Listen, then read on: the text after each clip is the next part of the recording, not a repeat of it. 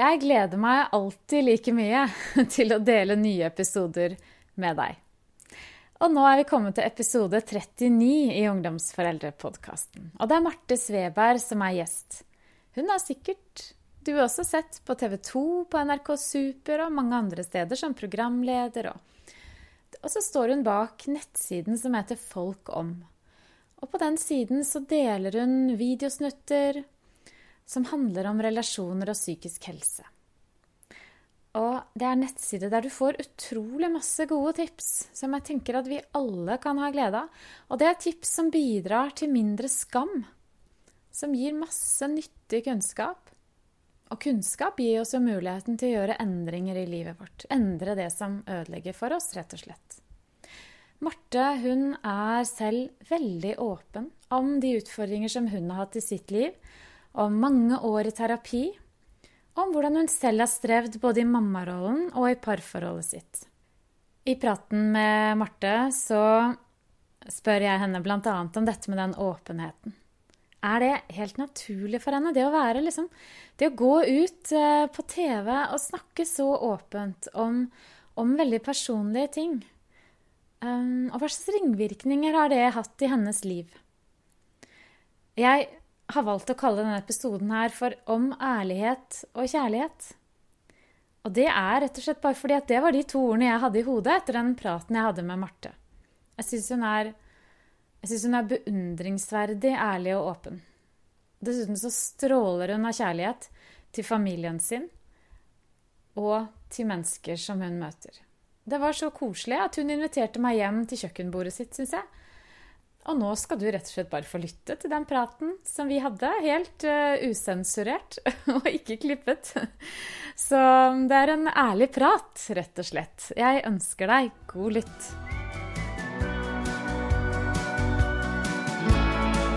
Sett deg lenge, det kommer til å skje. Du blir voksen, og jeg veit ikke helt hvordan jeg takler det. For de greiene der er søren meg ikke for hvem som helst. Velkommen til Ungdomsforeldrepodkasten. Tusen takk. Veldig hyggelig. altså. Selveste Marte Sveberg, rett og slett. Veldig gøy. Føler meg ikke så selveste, men det er nei, nei, men, nei, og du fremstår ikke sånn heller. Men, eh, men, du har jo gjort mye. Mm. tenker jeg. Du har vært mye i media. Du har, vi skal snakke litt om dette, at du har vært så åpen, tenker jeg. Ja. Um, og så har du startet denne Eh, kan vi kalle det en slags bevegelse? At det er folk om? Eller ja, en bevegelse var veldig koselig. Det er jo det er gøy. Eh, ja, det er vel en, eh, ja, en nettside. Mm. Ja, en nettkanal med videosnutter. Ja, sant. Ja. Vi skal snakke mer om den etterpå. Men først må jeg si det er veldig hyggelig at du inviterte meg hjem til deg. For å komme hjem hit til kjøkkenbordet ditt. Ja. For jeg tenkte at altså, Det vi skal snakke om, det handler jo om, om livet. Liksom, om familielivet. Mm. Eh, og det foregår jo egentlig akkurat her. Dette er liksom en scene hvor det hele spiller seg ut. Ikke sant? Ja. Det er jo det. Og det er jo sånn hos, eh, hos, de aller fleste av oss at det er liksom rundt kjøkkenbordet. Mm. Det er der det skjer. Mm. Det er der vi lever livene våre i stor grad. da. Mm. Og møte hverandre i familien. Og det er, der vi, det er der barna blir til, på en måte. Ja. Um, ja.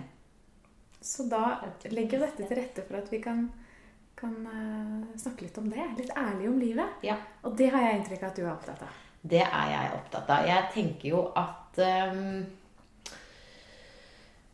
jeg, jeg, vet ikke. Vi har jo en sånn um, Uh, hvordan skal jeg, hvordan skal jeg liksom komme inn på det? Jeg tror at det er viktig da å liksom åpne opp litt. Og vi, vi, har jo blitt veldig, veldig, blitt veldig gode, egentlig, sånn uh, til å snakke om mange ting som har med psykisk helse å gjøre. Det tenker jeg er veldig bra.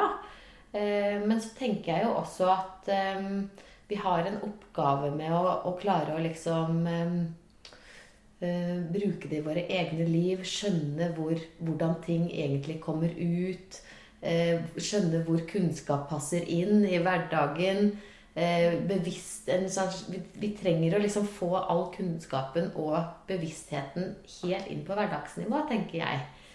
Um, og det er liksom grunnen til at jeg er såpass åpen om liksom også det som egentlig ikke så mange er åpne om, da. Og at det liksom jeg prøver ikke å være Nå husker jeg nesten ikke hva du, hva du spurte meg om i utgangspunktet, eller om det var et spørsmål, men, men eh, jeg prøver liksom ikke å være sånn eh, utleverende for enhver pris, på en måte. Men jeg prøver liksom å dele litt om det som det går an å henge fagkunnskap på.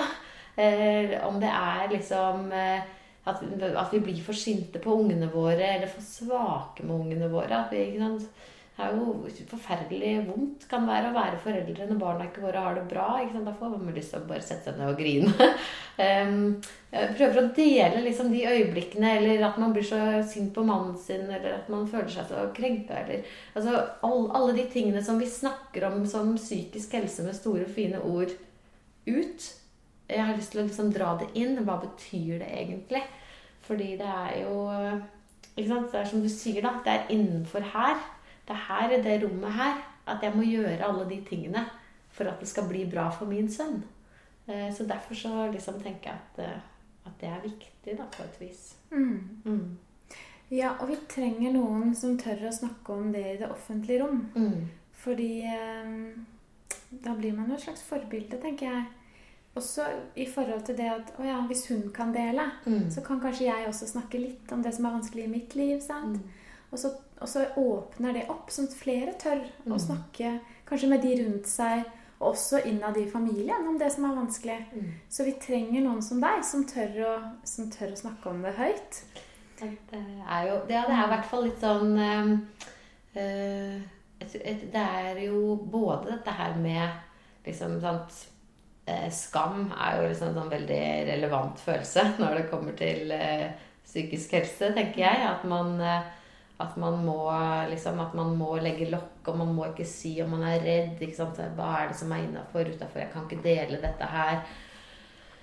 Eh, det er jo ikke så bra alltid at vi, at vi driver og skammer oss om ting. For da vi jo, kan vi jo bli sittende veldig aleine med, med, vanskelige ting. Eh, og det er jo eh, farlig. Det kan jo være farlig på en måte. Er, mm. da får vi jo ikke gjort noen ting med det. Og det er det er jo selvfølgelig mange som har mange de kan snakke om, om om eller snakke med da, om vanskelige ting. Men det er jo også mange som ikke har så mange å snakke med. Og, mm. og ja.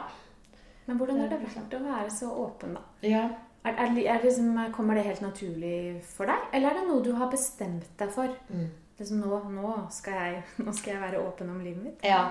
Det kommer jo eh, absolutt ikke naturlig for meg, vil jeg si. Jeg, eller Eh, jeg har alltid Eller det er litt sånn ambi Det er litt sånn blanda. Fordi jeg har alltid vært en person som har ønska å forstå. Jeg har vært, alltid vært en person som har ikke sant? Jeg kom jo fra et hjem hvor det var ekstremt mye kjærlighet. Ekstremt mye vilje til å få det bra. Men de hadde også mye vansker. Eh, og vi var ikke noe trent i å snakke om følelser eller forstå følelser eller tenke at eh, Det var mye greier der. Så jeg har alltid vært, selv som barn, da, hva er det som skjer? Må, nå føler jeg på noe her. Eller hvorfor er dette? Eller jeg føler Jeg har alltid vært en sånn Jeg har vært opptatt av å forstå, og jeg har vært opptatt av å prøve å bli forstått, da. Um, så sånn sett så har jeg alltid hatt det i meg å på en måte ta opp ting, føler jeg. Eh, men så har det f.eks. vært mange ting. ikke sant? Eh, skam. Jeg, jeg føler at jeg, jeg, er jo egentlig helt intulla i skam.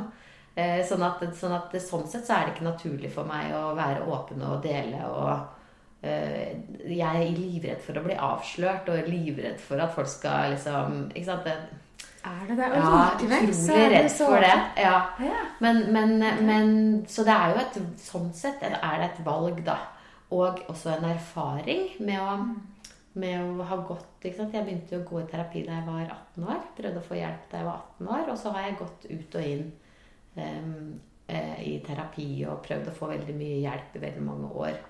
Uh, og det, ikke noe hjelp. Jeg klarte ikke å få hjelp. Jeg klarte ikke å liksom treffe den som klarte å forklare meg ting, eller som jeg var trygg nok på, eller, ja. eller sånne ting. Og så plutselig, etter at jeg fikk barn, så fikk jeg hjelp, da. Da begynte jeg liksom å forstå ting. F.eks. For gjennom den modellen som heter Trygghetssirkelen, som jeg liksom elsker, og som jo er et foreldreverktøy. Mm. Um, og da, når jeg liksom skjønte ah, Er det liksom helt logiske forklaringer på alt dette her?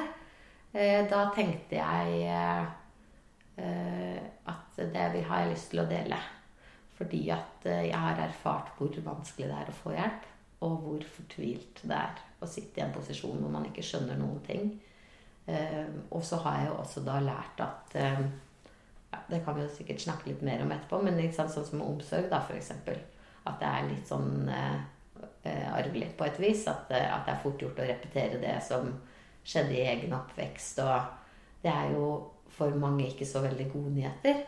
Eh, og det, hvis jeg ikke hadde fått vite om det, så hadde jo jeg vært ganske fucka. Unnskyld hvis det ikke er lov å komme Det- i podkasten din. Men, Det eh? Så, og det, liksom, det tenker jeg liksom sånn Det må vi Eller det vil jeg være med å prøve å sørge for. At, at, eh, at folk kan få hjelp hvis de vil ha hjelp. Altså, det er mange som ikke vil ha hjelp og ikke skjønner at de trenger hjelp. Og, og, det, og det, sånn er det. Men de som vil ha hjelp, og som strever, og som er fortvila altså det, det, de må vi De fortjener å få hjelp. Ja, det er helt enig. Og de er ganske mange, nemlig. Mm, det er jo det. så er det jo mange som, som jeg tror opplever akkurat det som du sier, at når de blir foreldre, Mm, så begynner de i større grad å tenke gjennom mm, hvordan var min egen barndom egentlig. mm, Det, det er jo ofte en, at det er en anledning til å, til å reflektere litt sånn til, sånn tilbake. Ja, det Hva er har jeg lyst til å bringe videre, og hva er det jeg ikke skal gjøre? Mm. Så blir man mye mer bevisst på det gjennom bare det, bare det at man blir foreldre, da. mm. Og så er det jo også Ja, jeg er helt enig. Og så er det jo også eh, For meg så var det jo ikke bare en liksom Sånn at nå må jeg tenke tilbake, men det var jo faktisk en kroppslig Det var en kroppslig opplevelse, da. Ikke sant? Det var jo f.eks. ting jeg hadde tenkt at jeg må ikke kjefte så mye. Eh, jeg må ikke være så redd. Eh, og så var det jo akkurat som at jeg bare var det. Og det er jo litt den der, det jeg snakker om, den der automatikken. da, At liksom Man sier jo at, at liksom omsorg er liksom implisitt kunnskap. Altså det ligger i kroppen. Eh, Så det er ikke noe vi gjør helt sånn bevisst. Nå velger jeg å ta melkekartongen ut og helle det oppi glasset, liksom. Det er bare liksom? Du bare gjør det. Du bare, du bare tråkker inn automat automat... ditt. Ja, jeg snakker litt om det som arbeidsmodellen vår. Ja, Den, den blir jo laget når Mm. vi er små, Mm. men, Så- men vi kan gjøre noe med den. Ja, det er jo akkurat det. sant? Det er jo akkurat det, At man kan, jo, man kan jo gjøre det på en annen måte. Når Nils velter melkeglasset sitt her, så kan jeg følge arbeidsmodellen min da, og skrike 'Nei, men hva faen?' Ikke sant? Og, og, og skremme han da, egentlig, bare fordi han velter et glass melk. Åh, ikke sant? Tørke brått og Eller så kan jeg liksom holde den følelsen nede og bare Oi sann. Det, det er fort gjort. Når man liksom blir litt ivrig og forteller noe at man slår borti melkeglasset. Det går bra. Og så kan jeg hente filla og tørke. Eh? Så, så det er jo på en måte man, man, man kan ha muligheten til å reflektere om det som var, men det er også det at det som var, er jo faktisk litt sånn at kroppen bare gjør det. Sånn hvordan, var det har meg veien, fall. ja, hvordan har veien vært for deg, da? Fra det på en måte til å begynne å endre på den, si, den modellen. da. Og, for det, det er jo ikke, en, det er ikke gjort i et knips, det. Nei, og det er jo ikke noe Det er jo liksom noe jeg liksom kontinuerlig må jobbe med, da. Eh, og det er jo um, Da jeg lærte fordi dette her, den hjelpen som jeg har fått på dette her, er, det, det er jo Trygghetssirkelen er den modellen som har hjulpet meg aller mest med dette her. Eh, ved å få lov til å liksom skjønne hvilke behov et barn har eh, liksom helt naturlig gjennom en dag.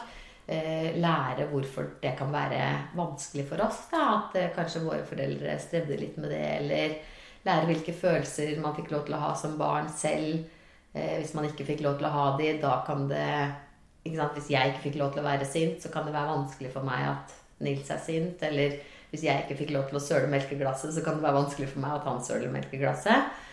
Så det å lære det sånn i første, liksom, første fase var ekstremt nyttig. Organiserende. ikke sant? Jeg skjønte mer av meg sjøl, skjønte mer av han, og kunne liksom begynne å jobbe da med, med det som jeg lærte. Men så er det jo liksom ikke sant? Han blir eldre, det vekker nye følelser hos meg. Eh, Jeg jobber med egne ting, og, og liksom, det er jo hele tida liksom en sånn ongoing prosess. da. Sånn at det må, jeg må jobbe med det hele tida. Hvor er det haimusikken? De kaller det haimusikk i trygghetssirkelen. Det som man kanskje de følelsene eller situasjonene som man har blitt litt redd i egen oppvekst. For eksempel, det kan være bare en sånn ting som øh, klatrestativ. Hvis mora di var veldig redd for klatrestativ og 'Å, nei, nei, nei, nei ikke opp på det', liksom. Eh, så kan jo jeg bli redd for det selv. Fordi det syns mamma var så skummelt. Da, og, og vi var litt redde for klatrestativ, liksom. Um, Og kanskje man ikke engang er klar over det selv. Man Ja. tar seg i å gjøre Ja. det samme uten man ja, ja, ja. nesten ikke forstår det engang. ja. Um, mm. Så det liksom følger med liksom litt på det. Det må jeg følge med på hele tiden, egentlig. Men kan du ikke ta veldig kjapt hva den trygghetssykkelen Ja, jeg skal gjøre det, for nå er? snakker jeg mye om den, og det er jo irriterende når man Du kan ikke sikkert forklare den veldig det. Ja. Det er, jo, det er jo på en måte en, en modell som um, skal hjelpe oss med at barna våre skal bli trygge. Både på seg sjøl, at jeg kan klare ting i verden, og verden er et sted jeg kan mestre, da, på en måte. Men også bli trygge på andre mennesker. Eh, hvis jeg har vonde følelser, eller hvis jeg har veldig gode følelser, så kan jeg komme inn til mamma eller pappa, og så kan jeg få lov til å få hjelp da, med, med de følelsene mine. Eller en barnehagelærer eller en lærer på skolen. Så det er liksom den modellen. Trygg på meg selv og trygg på andre. Det er liksom det den skal hjelpe med. da. Og så har de delt den da inn i liksom en sirkel. Er liksom toppen av sirkelen. Det handler om den utforskningsdelen av oss, som jo bare er helt sånn biologisk behov vi alle mennesker har for å utforske verden og, og liksom bli selvstendige folk. Da. Det er jo det som er meninga at vi skal bli, vi mennesker, liksom. Så der kan vi liksom eh, Da kan man liksom følge med som jeg som mor, da. Det er på en måte et kart for meg til å følge med på Nils. Å ja, nå er han på toppen av sirkelen.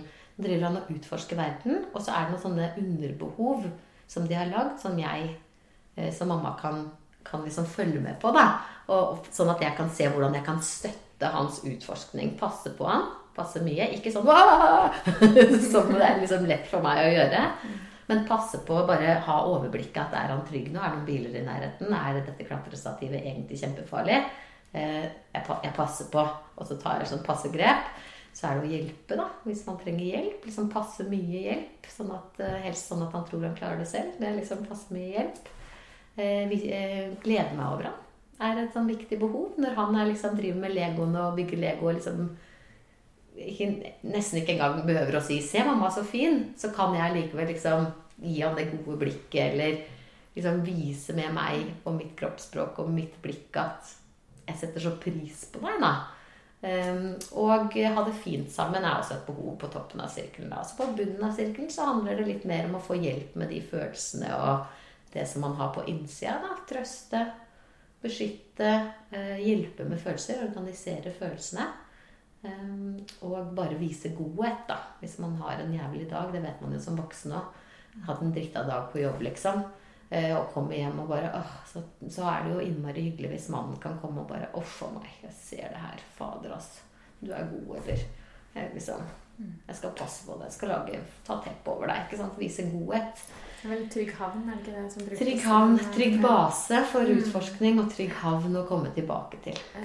Så det er en, en modell som på en måte lærer og hjelper oss til hva barna våre trenger. Og så er det også en modell eh, som, som hjelper oss til å skjønne hvor det blir vanskelig for oss. da. Eh? Sånn, eh, så kanskje de blir litt redde på toppen av sirkelen, for vi har lært kanskje litt sjøl at det er litt skummelt å bevege seg altfor langt ut og være forsiktig og eh, eh, sånne ting. Eller det kan også være at vi har lært at det er litt utrygt å komme inn på bunnen av sirkelen. ikke sant? Hvis noen ble veldig sinte når du var sint, eller veldig, veldig Avvisende, avvisende, ja, avvisende, eller bare satt ut, da, ikke sant? Når barnet kommer inn og jeg blir mobba på skolen, og så, og så blir man som foreldre helt sånn? Som jo er så fort gjort, da. Men, Mm. men da er det jo liksom litt sånn vanskelig, vanskeligere for ungen min Det er jo vanskeligere for ungen min å lene seg på meg hvis jeg begynner å gråte.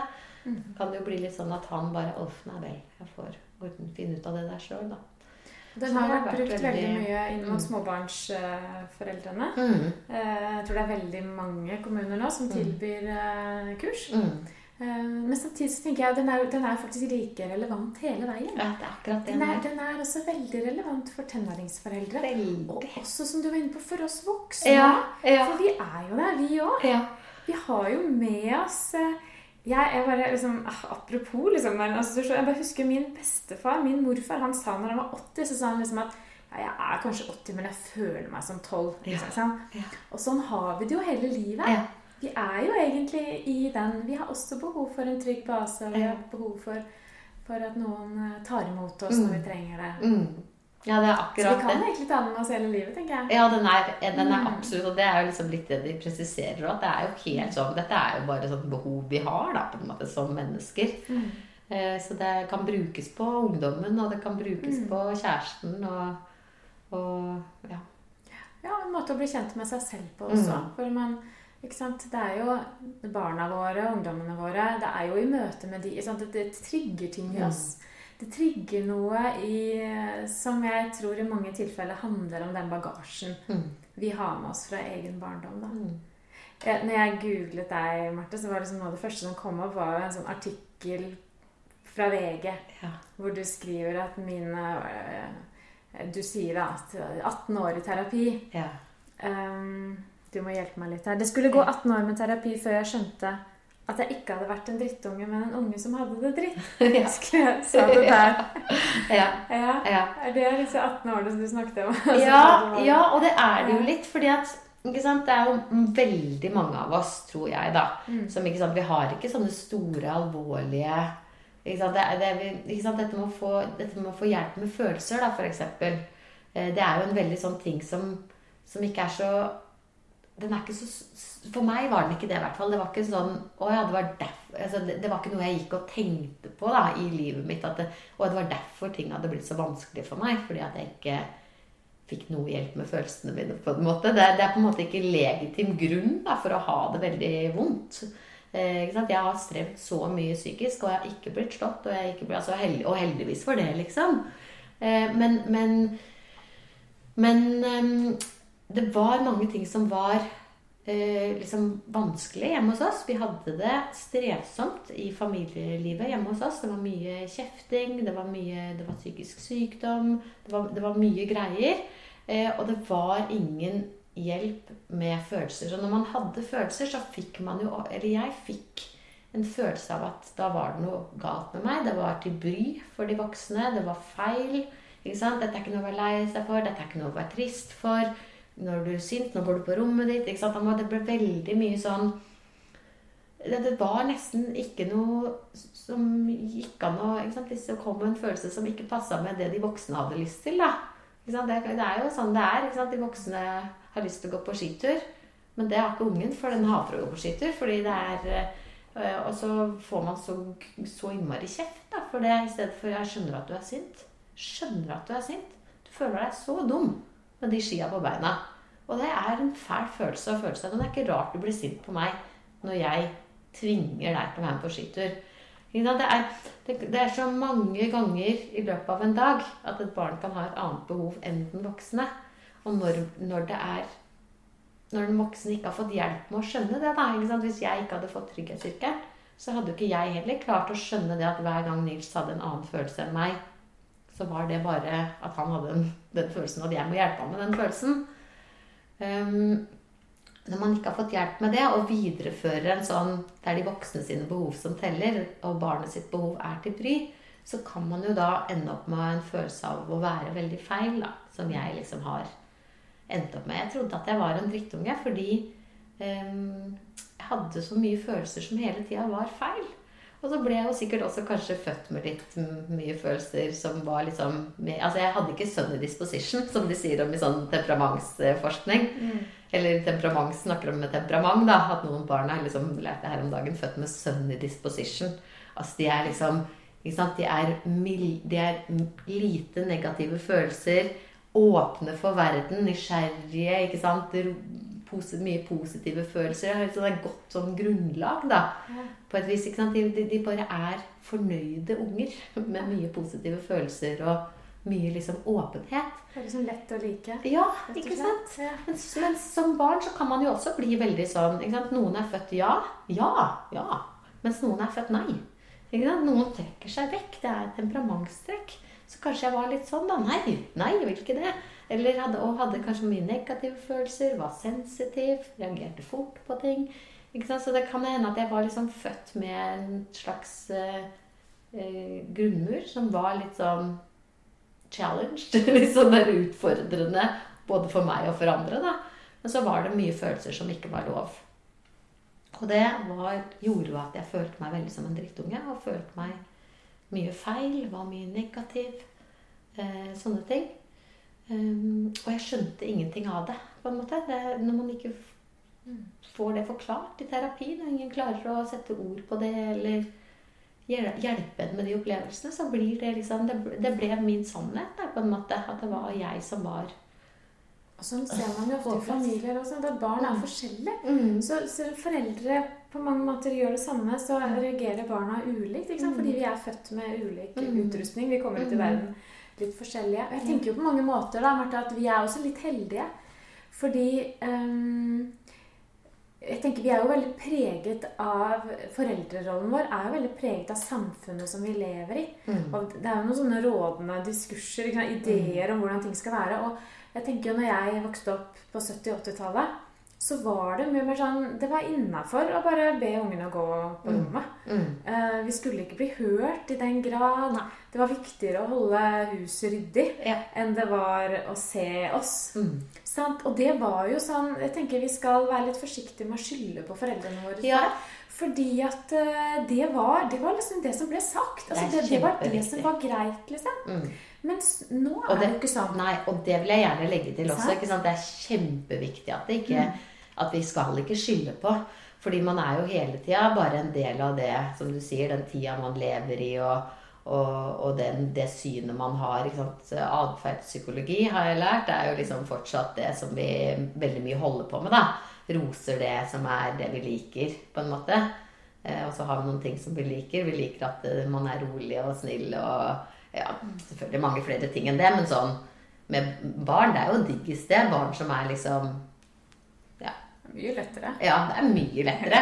Og så det, som det som er litt dårlig oppførsel, da, det overser vi, eller vi straffer det, eller sånn kan du ikke fy og føy. Og, ikke sant? Vi går veldig med på oppførselen, da. Og så er det noe oppførsel vi liker og ikke liker. Og det, og, så jeg tenker at det handler absolutt ikke om å legge skyld på eller si eh, Fy faen, så slem du var, liksom. Fordi alle gjør jo bare så godt de kan. Og, og alle gjør jo det som?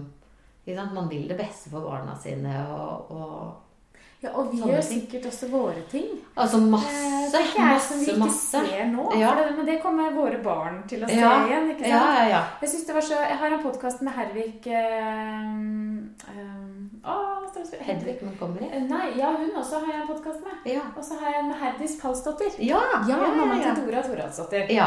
Og hun, hun gikk jo ut til og med mm. på TV 2 og sa unnskyld til barna sine. Mm. Og det tenker jeg eh, ikke fordi hun nødvendigvis tenker at eh, hun var så fryktelig slem, eller sånn, men det, det var sånn man skulle gjøre det. Og det var sånn hun var oppdratt. Men det som er så viktig, jeg, er at vi foreldre kan, kan være litt sånn transparente der med barna våre. Liksom. Mm. Åpne litt opp for det. Jeg prøver, og gjør så godt jeg kan, jeg. Mm. Men unnskyld for at jeg ikke fikser det. Så ikke sånn at vi Mm. For vi er jo ikke De, tre, de trenger jo heller ikke at vi gjør alt riktig hele tiden. Da. Absolutt ikke. Eh. Så det blir jo nesten Og det, slitsomt. ja, det blir jo helt hvis vi være umulig hvis det skal være sånn perfekt familie. Ja. Mamma er helt perfekt, hun. det, er jo liksom, det er jo da er man jo helt litt å eh, leve opp liksom. til òg. Ja. Så vi må nesten bare Ja. være de vi er, men ta med oss alt det vi kan da, av, Mm. uh, av lærdom. Og, Ja. Mm. Ja, fordi det er jo ikke Og det er jo liksom Det er jo absolutt ikke noe mål, tenker jeg, at, eh, at, liksom, at man skal være perfekt. Det er, det er for det første umulig. Eh, og for det andre eh, ikke særlig praktisk når resten av verden er såpass uperfekt som den er, liksom.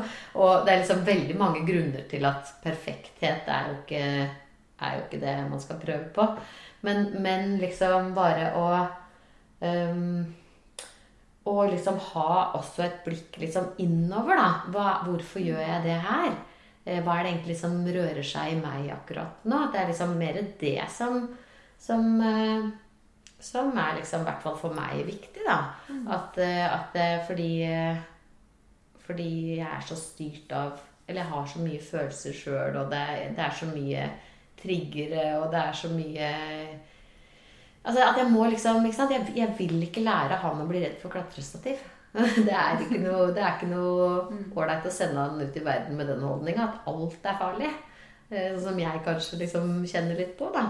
Og da handler det jo liksom bare litt om å jobbe litt, da. Jobbe litt med seg sjøl og, og, jobbe litt med saken, i stedet for liksom bare 'sånn er det bare', eller Og den jobbingen der, og den kompetansen som vi har fått nå, tenker jeg den, den er utrolig verdifull for oss som mennesker. Det, det skaper jo en vekst, en personlig vekst. mm, Og jeg tror også at det skaper bedre relasjoner i familier, rett og slett. mm, At vi, eh, vi får det bedre sammen. mm. Mm. Ja. Og det er jo fint for barna våre, Ja. rett og slett. Ja. At vi får det bedre med hverandre, men også at vi får det bedre med oss selv. da. Mm, Gjennom den eh, kunnskapen mm. som du forteller om at du har fått. Ja. Mm. Ja. Ja. Eh, Men du er også åpen eh, når det gjelder dette med parforholdet ditt, Ja. eh, Marte. Det Ja. også har jo vært en del av det som du, du Nå ganske nylig, egentlig. Mm -hmm. Eller ja, halvt år siden eller noe sånt. Du Ja. eh, Det har vært liksom flere runder. fordi først, Mm. først så lagde vi liksom en sånn serie om det. Og så lagde jeg noen filmer for Foreldrehverdag, som er den ressurssiden til Bufdir og for foreldre. Eh, Så da, og siden vi liksom jevnlig går i parterapi, så, eh, så Så da tok vi en ny runde på det. Det er jo liksom Også der kommer jo alle disse tingene Jeg tror, kaller ikke Sissel Gran det for grunnscenen. Det, der, det man har med seg. Man har liksom med seg den der ja, arbeidsmodellen sin. da, Har man jo også med seg inn i parforholdet sitt. Eh, og sånn er det jo for alle, alle mennesker, på en måte. Og det var jo det var egentlig en sånn veldig sånn stor folk om grunn, det med den parterapien. Fordi eh, vi var Vi krangla så mye etter at vi fikk barn. Og eh, det, vi krangla om absolutt alt. Altså absolutt alt krangla vi om. Det var helt sjukt, liksom. Det var sånn Nils ville ikke sove, og så gikk vi ut i bakgården og drev og rugga på vogna. Og så gjorde Håvard på en spesiell måte, så sa jeg kanskje du kan gjøre litt Eller jeg gjorde litt sånn i går. Det hjalp. Så hørte ikke han på meg. Det hører aldri på meg! Sånn, så vi krangla om rugging av barnevogn til Ja. melk som ble glemt å kjøpe til Altså alt, da, på en måte. Og så gikk vi i parterapi, og så, og så sier hun terapeuten liksom Det her er så vanlig. Alle par har et konfliktmønster. Dette er konfliktmønsteret. Altså, det, der var det liksom så veldig eh, Liksom Klare sånne grunner, da. Hvorfor går det dårlig, og hvorfor, hvordan kan det gå bedre? Så der var jeg veldig sånn Ja, det her må vi jo i hvert fall dele. For det er jo Når det er så Altså, det er ikke lett uansett. Men når det liksom er så så mye knagger å henge problemene på, som er så, så tydelige av noe man kan gjøre, eh, da må jo Altså. Da må man jo vite om det. Eh, så det var liksom veldig sånn jeg tenkte at det må det må vi dele. fordi det er jo, ikke sant, det er jo, For det første er det jo grusomt vondt å ha det vondt i parforholdet sitt. Det er jo ikke så mye som er viktigere for oss, liksom. Og så er det jo også vondt for barna, da. Når foreldrene har det Mm. krangler mye og sånne ting. Sånn at det er jo også Mm. ja, det, er, det er eh, et av de stedene hvor den psykiske helsa liksom skjer i hverdagen, og hvor det går an å, går an å gjøre noe. Mm. Så, så det var liksom eh, Og det er jo det, det er jo van, det er veldig det, Jeg syns det ser ut som liksom på tallene Dette vet jo du mye mer om enn meg som er parterapeut. Men at det ser jo ikke ut som det er så lett for folk å være i parforhold. Med tanke på liksom skilsmisser og Gjør jo ikke det. Det er, ser jo ikke ut som det er kjempelett, liksom. Nei. Så da går det jo an kanskje å Og når, eh, når, når Marte Sveberg går ut på TV og sier at hun går til Og parterapi så- Jonas Gahr Støre! Ja, han òg, ja! Ja, ja. Da blir det litt lettere for de andre. Det gjør jo det. Da blir det liksom Ok, kanskje vi kan gjøre det òg. Jeg tror ja. Og jeg ser jo effekten av det. ja. Det kommer jo par til meg som nesten ikke orker å se på hverandre. Mm. Eh, og så går de ut etter en stund og, og blitt kjent med hverandre på nytt. sant? Ja. For det er jo veldig mange i den fasen når de får barn, som bare sånn sakte, men sikkert glir fra hverandre.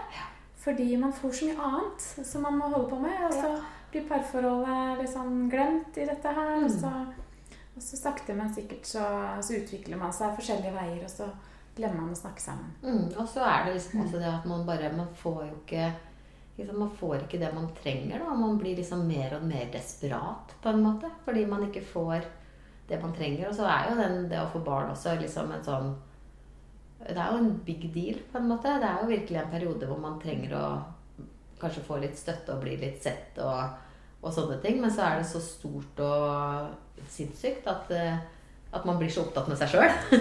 og så, I hvert fall sånn var det hos oss. da, liksom, vi, vi bare kjempa vår egen kamp. 'Hvorfor ser ikke du alt jeg gjør?' Hvorfor ser ikke du alt jeg gjør? Altså Det er liksom veldig sånn eh, ja, litt sånn eh, kritisk fase, da, på en måte. Og så i tillegg så får man ikke sove, og så syns man det mm, Jeg synes det var helt sånn Jeg husker Håvard skulle på bandøving når Nils var noen uker. Og jeg ble så sint på han, for jeg bare Er du helt sjuk i huet, liksom? Vi har fått en unge. Altså, livet er blitt nytt. Og det ligger et menneske her, og du skal på fuckings bandøving. Altså, det, er, det skjønte jeg ingenting av, da. At han liksom kunne så det er sånne, sånne forskjellige reaksjoner på ting også. For meg var det helt uaktuelt at livet skulle liksom skje som før.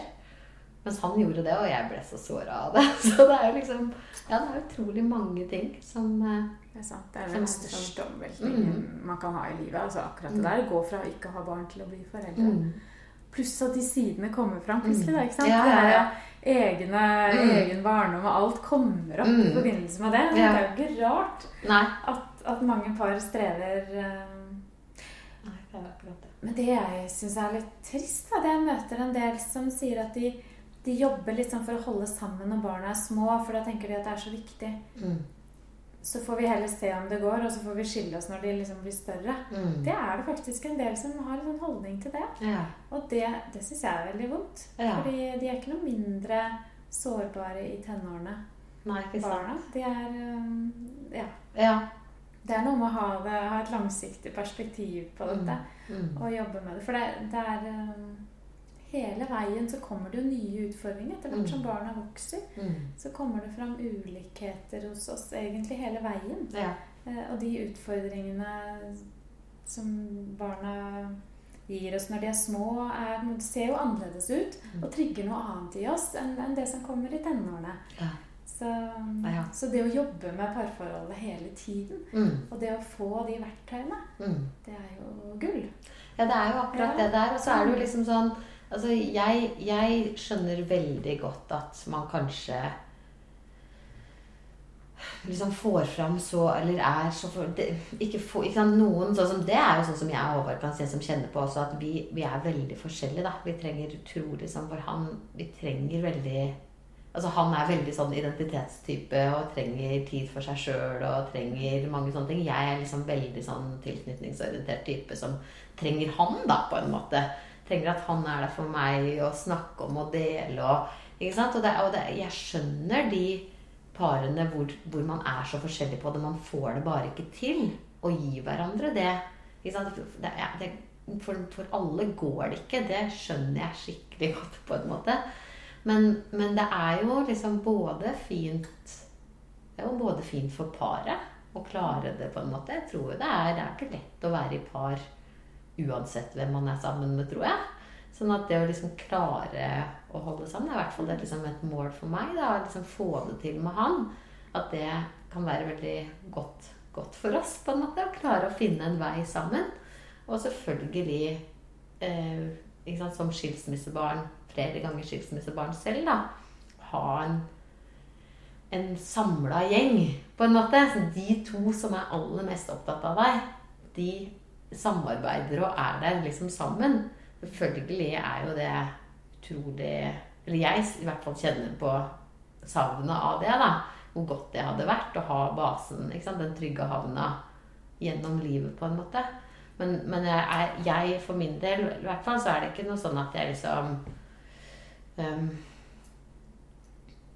Ja, jeg, jeg tenker at det, er- det, er- utrolig godt og fint hvis man kan få det til. Og hvis man ikke kan få det til, så kan man jo allikevel gjøre veldig mange ting.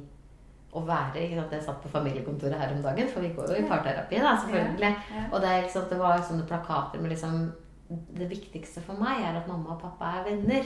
Altså Det var liksom sånn sto det på den. ikke sant? Det er, det skjer det òg. Det er urealistisk at det ikke vil skje. At man går fra hverandre og sånn. Men man har jo hele tiden valg, da, på en måte. Eh, Så, sånn at det også er jo, tenker jeg, kjempeviktig. Ja. At uh, Det aller viktigste for barn er at de har én, i hvert fall. mm. Som er den trygge. Ja. Og så er det en bonus uh, rett og slett. Ja. Og veldig, veldig godt for dem når de har to. Ja, kjempefint. Ja. Og så- så er det liksom utrolig digg hvis man har de to som fungerer sammen og er gode sammen. Og det er liksom Men jeg leser igjen Sissel, Sissel Gran, tror jeg det var, som liksom skrev om sine foreldre. da, Og bare Hvorfor gikk dere ikke fra hverandre før? Det var giftig hjemme hos oss, på en måte. Ja.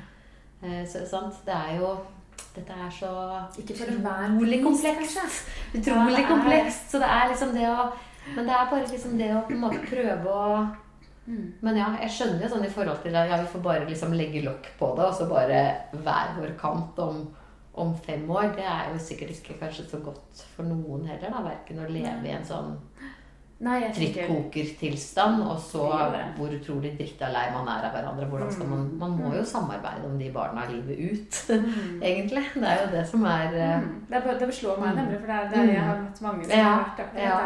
der. Ja. Um, ja. Men det jeg tenker du gjør med den åpenheten din, og med siden folk om, det er veldig mye det at du, du reduserer ensomhet med det, tenker jeg. Eh, sant? For når man ikke har det bra, Mm. om det er i parforhold eller i familien eller med seg selv, så er, kjenner man det veldig fort på en sånn ensomhet. Mm. Sant? Mm. Selv om man har mennesker rundt seg da, Ja. så, så, så fremkaller det den der følelsen av at jeg er kanskje den eneste Ja. eller alene om dette. Ja. Og så er det så fint å kunne gå inn på folk om Mm. siden og Mm. se at oi, det er visst andre som, ja. som også er opptatt av disse tingene, eller som kjenner på de samme tingene som meg. Ja, det er veldig, Mm. veldig bra at du syns det. Og ja, det er jo litt eh, Mm. Ja, det er jo Kan jo veldig fort få inntrykk av at uh, dette er veldig uvanlig. Og det er liksom Når jeg um, jeg har jo noen beef med Instagram. og der er det jo bare fordi der er det så utrolig ikke sant? Det er når man ligger og er liksom aleine, skamfull, Mm. eh, kjenner seg, som du sier, ensom, jeg får det ikke til, jeg klarer ikke å gå ut og gjøre de tingene jeg vet er bra for meg, for jeg har det ikke noe fint. Og, sant? Så går man inn på Instagram, da, og så, og så sitter man og ser på det som er der, og da er, det jo, da er man jo Da er man kjørt, da. Da er man kjørt. er man kjørt, liksom. Eh, det er så mye lykke at, Ja, det, at det er er liksom bare helt Og selv om liksom det er noen som prøver å liksom si eller, og jeg hører dere, og det er sikkert riktig at nei, dette her er jo bare et lite bilde av virkeligheten. Og, så, så er det allikevel på en måte eh, Altså, det er så tydelig hva som er det foretrukne. Og det er så tydelig hva som liksom Det sender så, mye signaler på så mange plan, da, på en måte. Og, Det og det det, er vi vet at det ikke er virkelig. Ja. Jeg vet jo det inderlig godt. ja, Men jeg kjenner jo med meg selv. Ja. Hvis jeg er mye på Instagram eller Facebook, ja. så, så blir jeg jo litt sånn Ok, det står visst litt dårlig til hos blir jo bare helt Sant? av det. Man ser jo hva som Ja. får likes, og hva som Ja, ja, ja. er liksom eh, Ja. Man ser jo hva, hva vi foretrekker, og, og Ja. hvor man burde være, og hva man burde gjøre, og hvordan man burde der, se ut. Og, og det er liksom også Og Ja. da er det jo Lykkenivå, det synker, det. Jo mer du er på sosiale medier, jo mer ulykkelig blir du. Det har faktisk merka i senest i går kveld. Ja. da. da. da at jeg liksom, har liksom sånn, prøver å være litt sånn derre Ja, det her fins også, altså. Jeg blir litt sånn trassig. Jeg er sånn trassig Instagram-bruker. Mm. Ja. Ja, jeg, jeg, jeg begynner å skamme meg og spise smågodt for det. Jeg prøver å liksom dele noe annet. Mm, det Dele noe annet. Det er veldig ikke kan folk om nå. Men det at du gjør det, har det hva slags um, ringvirkninger har det hatt? Er det, er det folk som kontakter deg? Har det, merker du det sånn eh, privat? At, at folk snakker mer med deg om det? Eller? Ja, det gjør jeg. Eh, Nå har du liksom eh, Ja, det merker jeg absolutt. Eh, og det syns jeg er kjempegøy. Når jeg liksom sitter i ikke sant? Før så kunne jeg sitte det var, det var sånn veldig tydelig for meg en gang jeg skulle gjøre en sånn intervju med noe. Fordi alltid når man sitter liksom i sånn sminkestol og blir intervjua, så smaker liksom Ja, ja. Det, det er veldig sånn er veldig ofte litt sånn overfladisk. Liksom. Man, mm. Vi snakker sånn som vi snakker, da. I, på sånne steder.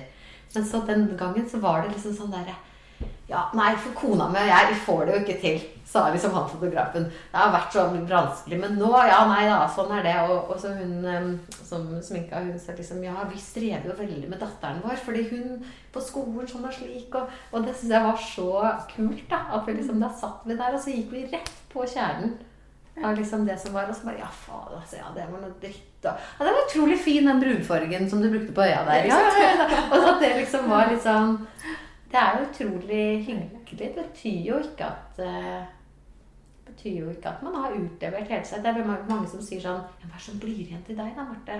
Det er det noen som har spurt oh, ja, meg. Ja. er det det? Hva er, det du, hva er det som du får? Og det skal jeg love deg, det er sjukt mye som blir igjen til meg. Ja, du deler Men, ja, men det er jo liksom? Det er jo bare noe med å. Hvorfor kan vi ikke Det gir jo mye mer. Og, og for meg å liksom snakke med henne om åh, ja, fy søren, det er skikkelig, skikkelig tøft. Jeg har også liksom ikke sant? At man kan snakke om ekte ting, da, i stedet for å liksom ja, blæ, blæ, blæ, et eller Du vet det, det Ja. du gjør, Marte, er jo at du våger å være sårbar. da. Mm. Det er, jo, det er jo egentlig det du gjør. Du våger å være sårbar. Mm. Uh, og jeg vet ikke om du har uh, fulgt litt med på hun Brené Brown? Ja, jeg er innom jeg- innimellom. Ja, sant. Mm. Jeg bruker henne litt i foredragene mine òg. Eh, hun har jo forsket mye på dette med skam og sårbarhet. Og hun sier jo det. Det å våge å være sårbar er jo det er nøkkelen til lykke i livet. Ja, sier hun. Sant? Ja, Ja. At når vi våger å åpne opp Og så forteller hun en del om sin egen kamp mot den sårbarheten. Mm. Fordi det strider jo for de fleste veldig sånn imot det der å, å fortelle at noe ikke funker, eller at noe er vanskelig. Vi vil jo helst vise det glansbildet. Mm. Men, men hun mener jo da at eh, Og forskningen hennes viser jo at de som våger å, å by litt på det, da, våger å være Mm. sårbare, at de Mm. Eh, For det handler om at vi eh, Vi kan ikke numme noen følelser. Ikke sant? Hvis vi nummer noen, så nummer vi også gleden. Hvis vi fjerner det som er vondt og vanskelig, så, så vil vi heller ikke kjenne så mye på, det, på lykken. Så ved å våge å åpne opp for alle følelsene, Mm. så, så kan livet Ja. by på enda mer. Bli Ja, ikke sant. bedre. Mm. Så er det litt sånn, jeg leste et sted at det er liksom Og det er jo veldig morsomt at jeg må si at jeg leste det, at jeg ikke skjønner det av meg sjøl, men liksom at det er jo forbindelse i følelser som skaper mening, mening i livet, da, på en måte. Liksom, det er jo, når jeg er sint, så kan jeg dele det med deg, og så sier du ja, fy faen, det skjønner jeg, det er dritirriterende. Da, da er jo vi connected, da, på en måte. Og det liksom um, Jeg lærer jo veldig mye av disse trygghetssirkelpsykologene. Og de snakker jo om det liksom om synkronitet. da. At, man, at det, er liksom, det er egentlig det vi liksom, som er liksom det vi mennesker ønsker oss. Å være synkrone med et annet menneske. Å være på bølgelengde. Om det er liksom om det er i gleden, da, eller om det er i tristheten. Hvis jeg er lei meg det, det, det kommer til å skje. Jeg kommer til å bli lei meg. Hvis noen da kan sitte sammen med meg og bare åh, åh, liksom, Som Brené Brown sier. Ikke sant? Og jeg vet ikke engang hva jeg skal si nå, men jeg er så glad for at du fortalte det til meg. Altså liksom, At man kan liksom være sammen i de følelsene som er. Da er man jo i kontakt eh, med andre mennesker, og det er jo liksom det som er godt. Da bygger Så- man en relasjon, Mm. og man reduserer Mm. ensomhet, Mm. tenker jeg. Ja. Sant? Ja. Så det tror jeg vi er inne på noe av det kjernen, egentlig. Mm. I, mm, Mm. I det å kanskje føle at man lever et godt liv, Ja. rett og slett. Ja. Mm. Men du, eh, litt sånn mot slutten, Ja. Marte. Jeg spør mange av gjestene mine. Eh, hvis du skulle gitt deg selv et råd som tenåring, nå liksom Marte som 13 år, ja. hva skulle du sagt til Å, fy fader. Ja, dette her, det er vanskelig, ass. Det syns jeg er så vanskelig. Ekstremt vanskelig. Må jeg gni meg litt i øya. Ja, gjør det. Og liksom I terapi så sitter man jo ofte litt sånn og prøver å liksom snakke til seg selv tilbake. Og der er jeg fortsatt Jeg har ikke kommet så langt i terapien at jeg liksom Den der selvmedfølelsen og den er Jeg er ikke- helt helt der ennå. Så hvis jeg skulle gi- gitt meg selv et råd som 13-åring Jeg tror kanskje at jeg Jeg tror nok kanskje at jeg ville sagt det. Jeg vet Jeg vet at du, at du det um, At du føler deg annerledes, liksom, enn alle andre. Uh, og uh, at du er redd, på en måte, tror jeg ville sagt. Eller jeg tror kanskje ville hjulpet liksom sagt litt sånne ting. Um, og eh, jeg tror kanskje ikke du tror på meg når jeg sier det her, men, men du er kanskje ikke så annerledes, da. Du er kanskje ikke så annerledes som du føler deg. Um, og selv om det liksom virker litt sånn vanskelig å komme seg noe sted og vite hva man skal gjøre, så, så er det noe det går an å gjøre etter hvert. Ja. Og så må jeg jobbe litt også som Marte 40 med å liksom, i hvert fall den annerledesheten, da. Mm. Den må jeg liksom fortsatt liksom uh, Ja. Det, det, må, det, det rådet er litt til meg òg, da. Det må liksom føle seg litt sånn annerledes og sånn. For det er jo å akseptere det, på en måte? Eller, Ja, mer liksom at Jeg vet ikke, når, når man liksom har fått I hvert fall for meg, da. Liksom, som den følelsen liksom har satt seg veldig, at jeg er litt annerledes. Jeg er ikke helt sånn som? Det er ikke, ikke? Det blir jo Jeg vet ikke hvorfor det liksom setter seg. Kanskje det er fordi liksom når følelsene ikke er lov å kjenne på og sånn, da, så blir det veldig mye sånn at det er feil og det er ikke sånn som de andre og sånne ting. Eh, at, at jeg fikk liksom en følelse av annerledeshet på grunn av det. Og så, og så er det kanskje ikke så annerledes. Nei, det er jo absolutt ikke det. Nei. Det er jo egentlig Men det. eh, må liksom jobbe med å Ja. tro på det igjen. da. Liksom Mm. finne tilbake til og liksom kunne stole på det. At, Ja. At det er ikke det. Det ble litt sånn dalende stemning på Ja. dette rådet. Det var ikke et godt råd.